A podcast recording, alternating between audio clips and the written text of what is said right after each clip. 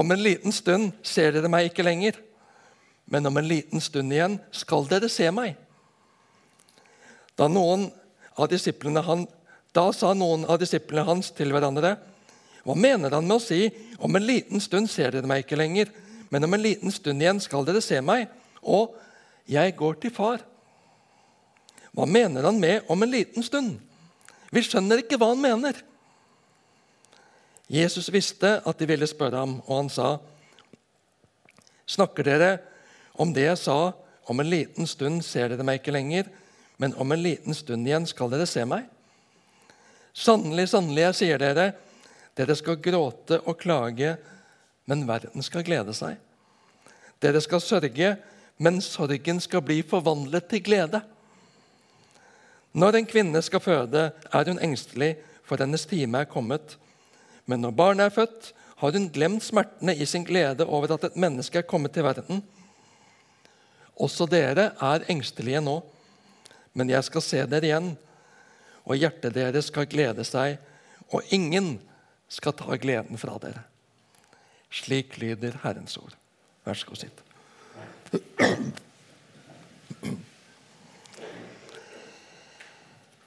Jeg var 26 år, på oppløpssida av studiet og ganske spent.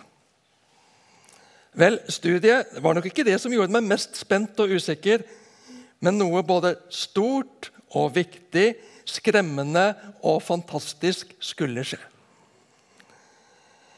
Siv var ikke i form, og etter hvert så ble hun lagt inn på sykehus. Jeg prøvde å stille spørsmål til en erfaren pleier, men følte meg kaldt avvist med at dette er en kvinneverden. Snakk om å føle seg liten og dum og hjelpeløs. Men det skulle bli verre. Siv ble transportert sengeliggende nedover i etasjene. Legen fomlet med en sprøyte og fikk det ikke helt til. Og jeg hadde hørt at om en bommer, så kan hun bli lam. Etter hvert så traff han med diverse assistanse. Siv ble sløv, apatisk, nesten likegyldig. Helsepersonellet rundt kom og gikk og var opptatt med sitt.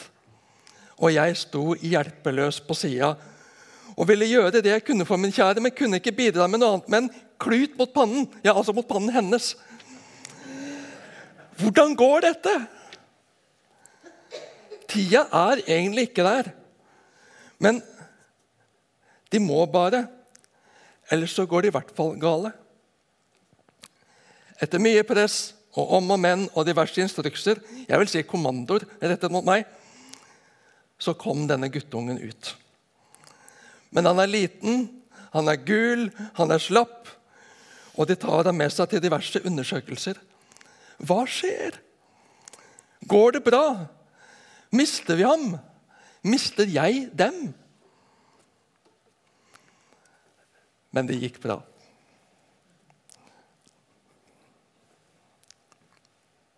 Du, så stolt jeg var. Stolt av Siv, stolt over den lille guttepjokken som ikke kunne gjøre det minste nytte for seg. Han sov stort sett. Få holde ham inntil meg, få se ham ligge fredfylt på mammas bryst. Det gikk bra. For en skatt! For en rikdom! Hvilket under! Så stort, så mektig, så fantastisk. Jeg kan bare gi pappaversjonen, men jeg syns den er heftig nok. Jeg syns Jesus er modig, som våger å påstå at smerten er glemt så snart ungen er ute. Men han er Gud, så jeg skal ikke overprøve det. Og Siv har uttalt noen ganger at fødselen var ingenting i forhold til svangerskapet. Hun kunne hatt flere, mange flere fødsler hadde det ikke vært for de ni månedene i forkant. Det er så ulikt fra person til person. Men Jesu poeng, det tar vi. Resultatet overgår smerten, usikkerheten og engstelsen underveis. Når vi er framme, når vi er i mål, da skal alle sorger, smerte og lidelse være glemt. Det vi da har fått, er så uendelig mye større. I troen på og livet med Jesus har vi fantastiske framtidsutsikter. Vi må ikke glemme det. Vi må ikke miste det av syne. Vi må ikke være blant dem som lar troen og Jesuslivet kveles. Sakte tas livet av pga. alle bekymringer og alt vi er opptatt av hva gjelder juridiske ting. Ha blikket festa på Jesus. Disiplene var i villrede. De forstår ikke hva som skjer, og de forstår ikke hva som skal skje. Men de er bekymret for uroen rundt dem, bekymra for uroen rundt Jesus. Dette lover ikke godt. Dette ser utrygt ut. Ja, farlig ut. Du må ikke dra opp ditt Jesus. De religiøse lederne har ikke gode hensikter med det. Dette var før påske. Det begynte å bli spent, anspent, utrygt. Disiplene vil beskytte og skjerme. Men Jesus vet at det må skje. Uten smerten, uten lidelsen, spotten og anklagene, ja, dom, tortur, straff og død, så vil ikke livene deres være i stand til å redde. Ja, framtiden for all verdens mennesker vil være helsvart. Lidelsen må til. Jesus må dø til soning for alle disse falne, grådige, selvhøytidelige, selvopptatte menneskene. Kjærligheten tvinger ham. Disiplene kan ikke fatte og begripe det hele. Men Jesus er stødig. Jesus har målet for øyet. Kjærligheten gjør at han ikke viker av. Så har vi feiret påske. Vi har gjenopplevd hva som skjedde med Jesus. Hvilke lidelser han gjennomgikk. Hvilken straff han tok på seg for vår skyld. Og vi fryder oss over Jesus' seier over døden og alt det onde. Alt, at Jesus vant seieren for oss. Og disiplene undrer seg og gleder seg over å få Jesus tilbake fra døden. Så leser vi disse ordene av Jesus mellom påske og Kristi himmelfart. Jesus var borte fra dem. Jesus var borte fra disiplene noen få dager. Og etter hans oppstandelse har de fått se ham, hjem, se ham igjen og være sammen med Jesus ved flere anledninger. Men snart skal han fare bort fra dem fysisk for en mye lengre periode. Jesus blir tatt opp til himmelen, for nå er hans oppdrag på jorden fullført. Han har åpnet veien til Gud, vår far. Og nå skal han fare opp til ham for å gjøre i stand et sted for oss. Så vi skal være der han er, i herlighet for alltid. Men nå kan vi ikke se ham. Nå kan vi ikke være fysisk sammen med Jesus. Men en dag så skal vi få se ham med vårt blotte øye. En dag skal vi være sammen med Jesus fysisk, frigjort, fri, for evig. Hvilken fantastisk dag det skal bli. Om en liten stund, sa Jesus. Jeg med mitt tidsperspektiv kan tenke at det var et kraftig understatement. Det nærmer seg 2000 år siden han sa det. Men så leser vi også at for Gud er én dag som 1000 år, og 1000 år som én dag. 2000 år blir faktisk forsvinnende lite sett i et evighetsperspektiv. Våger vi å ta det innover oss? Vi skal leve her og nå, være nær her og nå. Men vi må ikke forblindes av samtidens korte horisont. Vi må ikke bli for nærsynte. Sannelig, sannelig, jeg sier dere, dere skal gråte og klage, men verden skal glede seg. Dere skal sørge, men sorgen skal bli forvandlet til glede. Vi skal vokte oss for å danne fiendebilder. Det er ikke oss kristne mot verden utenfor. Vi er alle Guds skapninger, elsket av ham. Gud elsket faktisk den vrange naboen din like høyt som han elsker deg. Kanskje er det forsmedelig, men det er sant. Guds ønske er å frelse alle mennesker. Og er vi Guds barn, så skal vi ha samme sinnelag som far. Vi skal ikke danne fiendebilder. Men vi skal være bevisst på at den ufrelste har andre verdier og mål enn den som er frelst. Den som ikke er på Guds vei, som ikke er på vei hjem til Gud, vår far, er på en annen vei, som fører et annet sted, og har naturlig nok andre gleder, andre verdier, andre standarder. Og det er helt naturlig. Har vi forskjellige mål med livet, så er det naturlig at vi lever på forskjellig vis. Men vi som kaller oss Jesu etterfølgere, kristne etter Kristus, skal være obs, så det ikke bare blir i navnet, men at vi virkelig lever som Jesu etterfølgere. På sosiale medier så kan vi følge ganske mange. Og ganske mange følger veldig mange. Og det gjør oss slitne. For det blir veldig mye å henge med på. Og det drar oss i forskjellige retninger. Det blir en større og større spagat, så vi forskrever oss. Vi kan bli sykemeldte av det. Vi kan bli deprimerte av det. Det som i hvert fall er ganske sikkert, er at det gir ingen god følelse og selvopplevelse. Jeg får det ikke til. Jeg holder ikke mål. 'Jeg er ikke så god som han. Jeg lykkes ikke i livet slik som henne.' Vi følger etter mennesker. Vi jager etter å bli like gode, i hvert fall nesten like god som han. Min standard er hennes liv, eller i hvert fall de bilder og videoer hun legger ut. Det blir mitt mål. Det blir hva jeg bevisst eller ubevisst strekker meg etter. Livet mitt er mye mer etterfølgelse av enn enn av han, av henne, enn av Jesus Kristus. Jesus blir bare en av mange som jeg følger etter. Litt her og litt der. I første kongebok 18, 21 leser vi Da trådte Elia fram for alt folket og sa:" Hvor lenge vil dere halte til begge sider? Dersom Herren er Gud, så følg ham. Og dersom Bal er det, så følg ham. Men folket svarte ham ikke et ord.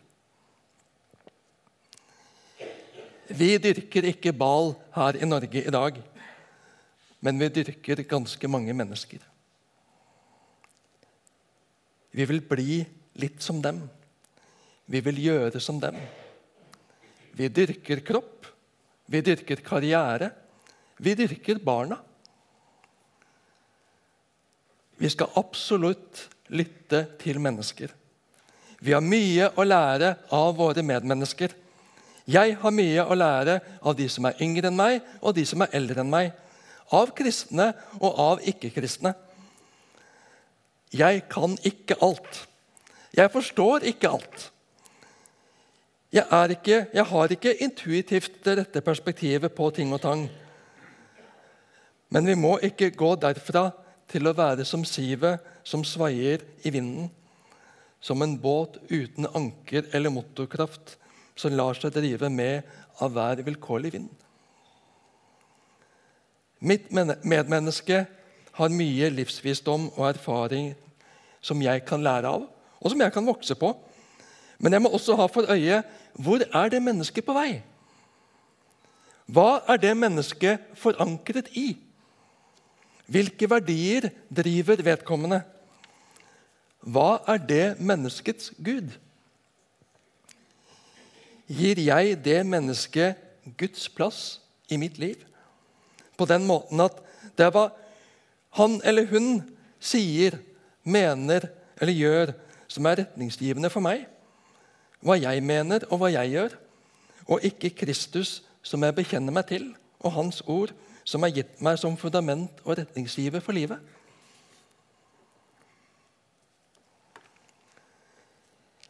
Det er ikke noe vi elsker høyere på jord enn barna våre. Jeg håper i hvert fall at det ikke er noe som er viktigere for oss enn dem. Men vi kan komme til skade for å elske og opphøye dem på en slik måte at vi forguder dem. At de får Guds plass. Vi skal lytte til barna våre. Vi skal strekke oss langt for barna våre. Men vi skal ikke ha vår forankring i dem. Det er tankevekkende at mange skifter syn på likekjønnet sex og samliv når barnet deres forteller at den er lesbisk eller homofil. Det er så fælt å tenke på at barnet mitt ikke skal få finne seg noen å dele livet med. Jeg kan da ikke mene det. Og så endres standpunktene med erfaringene. Ja, Men er ikke det naturlig, da? Vi lærer jo så lenge vi lever. Vi oppdager nye ting som gjør at vi ser ting i et annet perspektiv. Jo visst gjør vi det. Det skjer jo hele tiden. Men det vi ikke registrerer i dette, er at vi kjøper det premisset at et godt liv må være et liv i en seksuell relasjon. Vi har en kjempeutfordring i mange kristne menigheter i dag, Misjonshuset inkludert. Vi fokuserer på å legge til rette for familier, og det er viktig. Og det er sunt, og det er bra. Men vi kan lett komme til skade for å kommunisere ved et slikt fokus at meningen med livet er å bli gift og få barn. Det er feil. Meningen med livet er å leve i det er å leve, Meningen med livet er å leve det i fellesskap med Gud. Vi ble først og fremst skapt i Hans bilde, til å leve nær Ham, i fellesskap med Ham, i Hans velsignelse. Det er det grunnleggende så fikk vi i oppdrag å være fruktbare og fylle jorden. Og det har vi jo tatt på alvor. Jord er til dels ganske tett befolket, ja, overbefolket. Fordi vi stenger grenser og hindrer naturlig forflytning og utjevning. Etniske grenser, raseskille og nasjonal politikk skaper utfordringer. Men meningen med livet er ikke å stifte familie og få barn. Jesus var også ærlig med at ikke alle skulle det. Det kan vi lese om i Matteus 19. Men vi er skapt til fellesskap med Gud. Og vi er skapt til fellesskap med hverandre. Nære, dype relasjoner. Og Bibelen bruker de nære relasjonsbegrepene om menigheten, det kristne fellesskapet. Bibelen taler om troende søsken, om brødre og søstre i troen om mødre og fedre i troen. Vi er kalt til å være en familie som ser og tar seg av hverandre. Som bærer hverandre og går med hverandre i glede og sorg. Og det er godt å høre vitnesbyrd i plenum eller på tomannshånd om søskenfellesskapet i Misjonshuset, som var der og hegnet om en når livet var vanskelig. Men jeg får dessverre også høre om erfaringer i vår egen menighet av at det ble snakket om det som er den store kampen i mitt liv, på en slik måte at den heller ble mismodig og følte seg desto mer alene i kampen og livet enn at den ble forstått, hegnet om og heiet på. Vi er kalt til å være lys for hverandre. Lys varmer. Lys fortrenger mørke. Lys viser vei.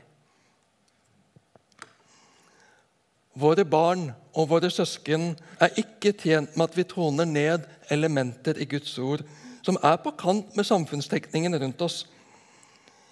Vi skal stå frimodig fast på Guds ord, samtidig som vi står fast og trygt ved siden av og sammen med de som kjenner utfordringene mest på egen kropp og eget liv. Guds ord utfordrer oss alle. Guds ord peker på ting i alles liv som kaller til kamp, som kaller til offer, som kaller til forsakelse. Og noen ting er mer krevende og får større konsekvenser å forsake enn andre ting. Det å ikke ha en partner, det å ikke ha en livsledsager i livet, er absolutt av de mest krevende forsakelsene, så langt jeg kan se. Men nettopp der blir bibeltroskapen vår prøvet. Og Kristi sinnelag i oss prøvet. Om vi har tid og hjerterom for våre brødre og søstre, så vi har plass for dem slik de trenger det. For å stå trygt og godt i kampen og i livet. Av vel 2,5 millioner husstander i Norge er over én million av dem husstander hvor én person bor alene. Vi har som menighet et kall til å være et hjem og en familie for hele familien, for mennesker i alle livssituasjoner. Og Her i Misjonshuset har vi satt oss som mål og har det stadig oppe på veggen at vi vil være lys for hverandre. La oss spørre oss selv hver enkelt i dag hvordan kan jeg i mitt liv ta det et skritt videre? Hvordan kan jeg konkretisere det i mitt liv på en ny måte? Og på den måten ta Guds ord mer på alvor i mitt liv? Og la Kristi sinnelag få prege meg i større grad? Samfunnet rundt oss, som vi ikke skal fordømme eller lage fiendebilder av, har en annen standard og har andre verdier. Og Norsk lov og norsk politikk gjenspeiler det i stadig større grad. Men samfunnet rundt oss feirer en frihet fra bud og grenser og rammer, så tror ikke vi som Jesu etterfølgere at det er det gode livet å være uten rammer og grenser. Gud har gitt oss rammer og moralske grenser for å beskytte oss. Av omsorg for oss, for at vi skal leve livet i tråd med designerens hensikt og mening. Det er når fisken lever i vannet, at den har det godt. Når den skal frigjøre seg fra vannet, da er det begynnelsen på slutten. Dere skal gråte og klage, men verden skal glede seg. Dere skal sørge, men sørgen, sorgen skal bli forvandlet til glede. Vi lever i et samfunn som har liten respekt for Guds ord. Men det er Guds ord som viser oss hvem vi er hva vi er skapt til å være, hvor vi skal hen, og hvordan vi kommer dit. Derfor kan vi ikke gi slipp på Guds ord. Derfor kan vi ikke omskrive Guds ord slik at det ikke blir så utfordrende i vår samtid. Vi er satt her i vår samtid for å peke på Guds vei til å være Jesu etterfølgere i vår tid. Vise Hans kjærlighet praktisere hans verdier og tenkning om storfamilien, det kollektive, framfor den avgrensende kjernefamilien. Vi er ett folk, én familie, én søskenflokk. Vi kan krangle iblant, men vi er egentlig inderlig glad i hverandre. Og La oss fokusere på det siste. La oss vise hverandre den kjærlighet vi egentlig har og vil ha til hverandre. Og når verden ser og erfarer den, så har den en herlig tiltrekningskraft. La oss holde målet for øye. Husk, vi har det beste igjen.